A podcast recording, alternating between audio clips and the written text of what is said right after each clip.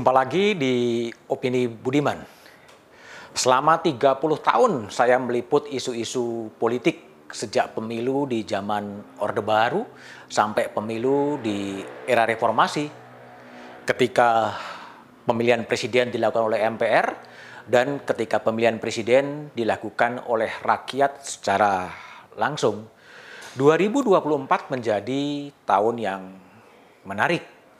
Presiden Jokowi sudah menyatakan sikapnya tidak berminat dan tidak berniat untuk maju lagi dalam pemilu presiden di 2024. Artinya apa? Artinya adalah kekuasaan Presiden Jokowi akan berakhir 20 Oktober 2024 dan pemilu presiden 2024 ibarat tarung bebas, tarung bebas karena tidak ada calon petahana. Mungkin karena itulah kemudian manuver dan dinamika di elit politik mulai ramai. Kita melihat bagaimana Ketua Umum Partai Golkar Air Langga Hartarto kemudian bertemu dengan Ketua Nasdem Surya Paloh, kemudian ketemu dengan Ketua Umum Partai Gerindra Prabowo Subianto untuk membicarakan situasi kebangsaan dan tentunya juga membicarakan soal pemilu presiden 2024. Sehingga muncullah gagasan-gagasan soal joint convention, konvensi bersama untuk menemukan calon presiden di 2024. Kader Partai Golkar Ahmad Doli Kurnia mendorong agar Ketua Umum Partai Golkar Air Langga Hartarto untuk maju di Pilpres 2024. Begitu juga Partai Gerindra mendorong kembali Prabowo Subianto untuk maju di Pilpres 2024. Ketua KSP Jenderal Purnawirawan Muldoko pun sebetulnya ikut terpancing yang awalnya bertemu ngopi-ngopi dengan sejumlah kader Partai Demokrat, kemudian berujung kepada diterimanya lamaran dari KLB Deli Serdang dan menjadikan Muldoko sebagai Ketua Umum Partai Demokrat versi KLB Deli Serdang. Sekarang Pak Muldoko masih menunggu legalitas dari pemerintah atau nanti akan bermuara ke pengadilan. Dinamika politik inilah yang sebetulnya menarik menjelang 2024 yang memang masih tiga setengah tahun lagi. Tetapi ada beberapa faktor sebetulnya yang akan berpengaruh. Yang pertama adalah soal elektabilitas politik atau popularitas dari capres.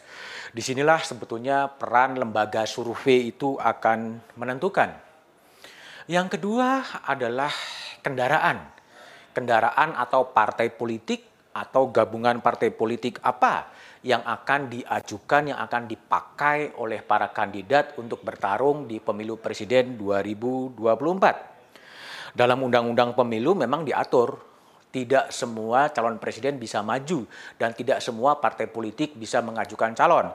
Ada syaratnya adalah 20% kursi parlemen atau 25% popular vote atau jumlah suara sah secara nasional kalau acuan itu dipakai, hanya PDIP yang bisa mengajukan calon.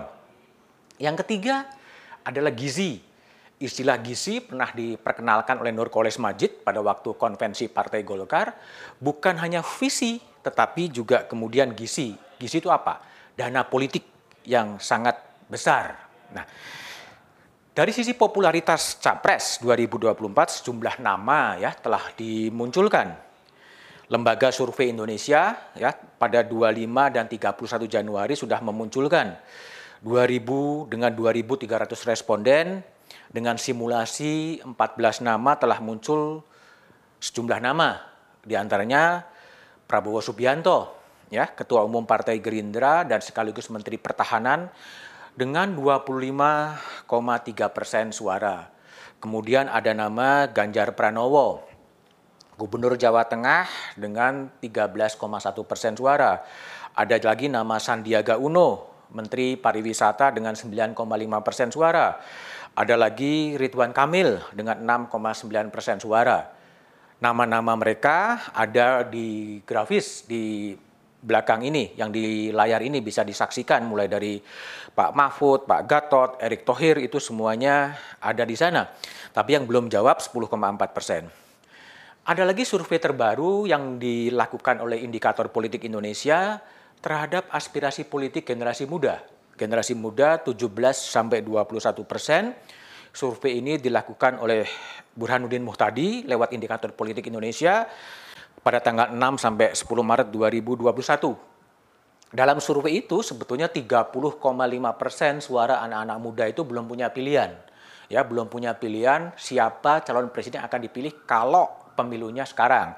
Tapi di, setelah jumlah itu kemudian ada muncul sejumlah nama seperti Anies Baswedan dengan 15,2 persen, ada Ganjar Pranowo dengan 13,7 persen, ada Ridwan Kamil dengan 10,2 persen, ada Sandiaga Uno 9,8 persen, ada Prabowo dengan 9,5 persen, ada Agus Harimurti dengan 4,1 persen. Itu adalah suara-suara aspirasi politik generasi muda 17 sampai 21 yang lengkapnya ada di grafis ya. Tapi yang belum menjawab sebenarnya 30,5 persen. Nah, pemilu presiden itu memang selain elektabilitas dan kendaraan politik, Nah, kendaraan politik inilah yang sebetulnya agak merepotkan karena ada syarat calon itu harus diusung oleh partai politik atau gabungan partai politik dengan syarat 20% kursi DPR atau 25% suara sah secara nasional. Pasal ambang batas ini beberapa kali diuji ke Mahkamah Konstitusi, tapi Mahkamah Konstitusi mengatakan pasal itu konstitusional. Nah, kalau kita mengacu kepada pemilu presiden pemilu legislatif 2019 dengan syarat capres 25% suara sah nasional itu tidak ada yang memenuhi persyaratan. PDIP itu hanya mendapatkan 19,33 persen, Gerindra 12,57 persen, Partai Golkar 12,31 persen, PKB 9,69 persen. Selanjutnya grafisnya juga akan muncul di layar. Tapi kalau menggunakan faktor syarat soal kursi DPR yang mengharuskan ada 20% kursi DPR, PDIP menguasai 128 kursi, artinya dia punya 22,26 eh, persentase dari 575 anggota DPR. Golkar 85 kursi 14,78. Artinya hanya PDIP yang kemudian berhak untuk mengajukan calon. Yang lain termasuk PDIP pun harus menjalan menjalin koalisi dengan partai-partai lain.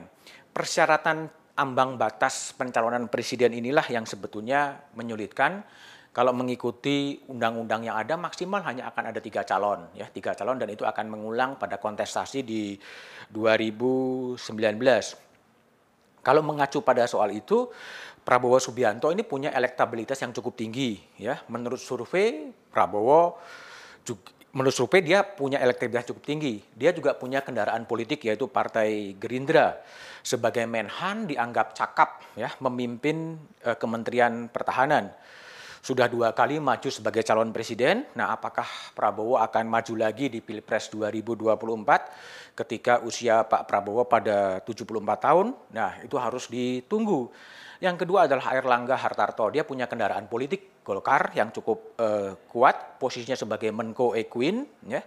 Tetapi Golkar harus berkoalisi dengan partai-partai lain. Masalah pada Airlangga adalah elektabilitasnya masih di bawah calon-calon yang lain. Itu yang menjadi masalah pada Airlangga yang harus bekerja keras. Calon lain adalah Menteri Pariwisata Sandiaga Uno.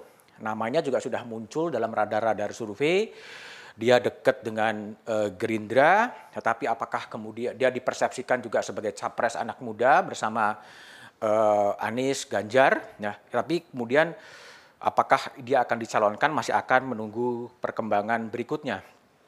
Tiga gubernur yang sebetulnya muncul dalam radar survei yaitu Gubernur Jakarta Anies Baswedan, Gubernur Jawa Tengah Ganjar Pranowo, dan Gubernur Jawa Barat Ridwan Kamil.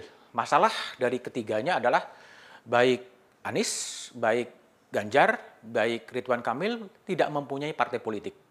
Tidak mempunyai partai politik. Nah inilah yang juga menjadi persoalan. Masa jabatan Anies 16 Oktober 2022 akan berakhir karena pilkada akan digelar 2024. Memang ada kedekatan Anies dengan Nasdem, Surya Paloh beberapa kali bertemu dengan Anies, tetapi apakah Anies kemudian akan diajukan oleh Nasdem bersama partai lain tentunya masih harus ditunggu.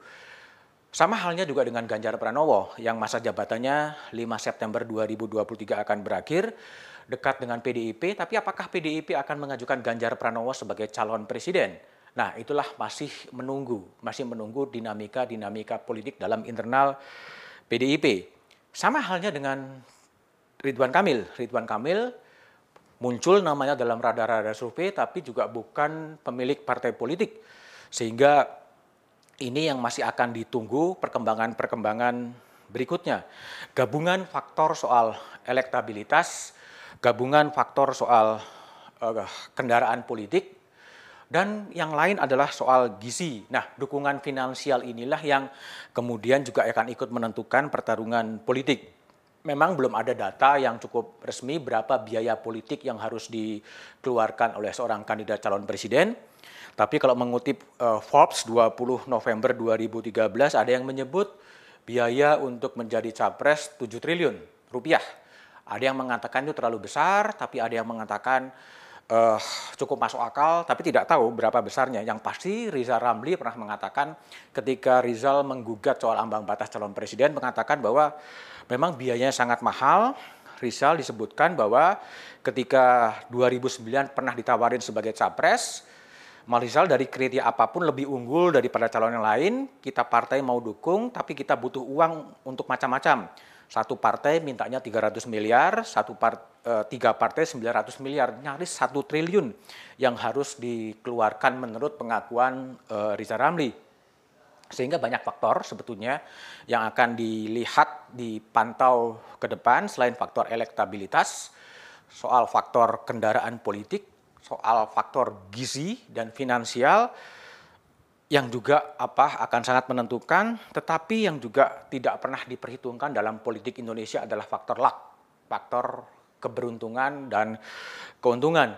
Namun dengan tingginya mahalnya biaya politik tentunya upaya-upaya untuk menurunkan ambang batas calon presiden menjadi masuk akal agar calon-calon alternatif itu bisa muncul dan rakyat Indonesia punya pilihan yang cukup banyak apa pun kita nantikan perkembangan-perkembangan berikutnya, tapi kembali janganlah pernah lelah untuk mencintai Indonesia dan jangan-jangan melakukan korupsi karena korupsi itu memiskinkan negeri.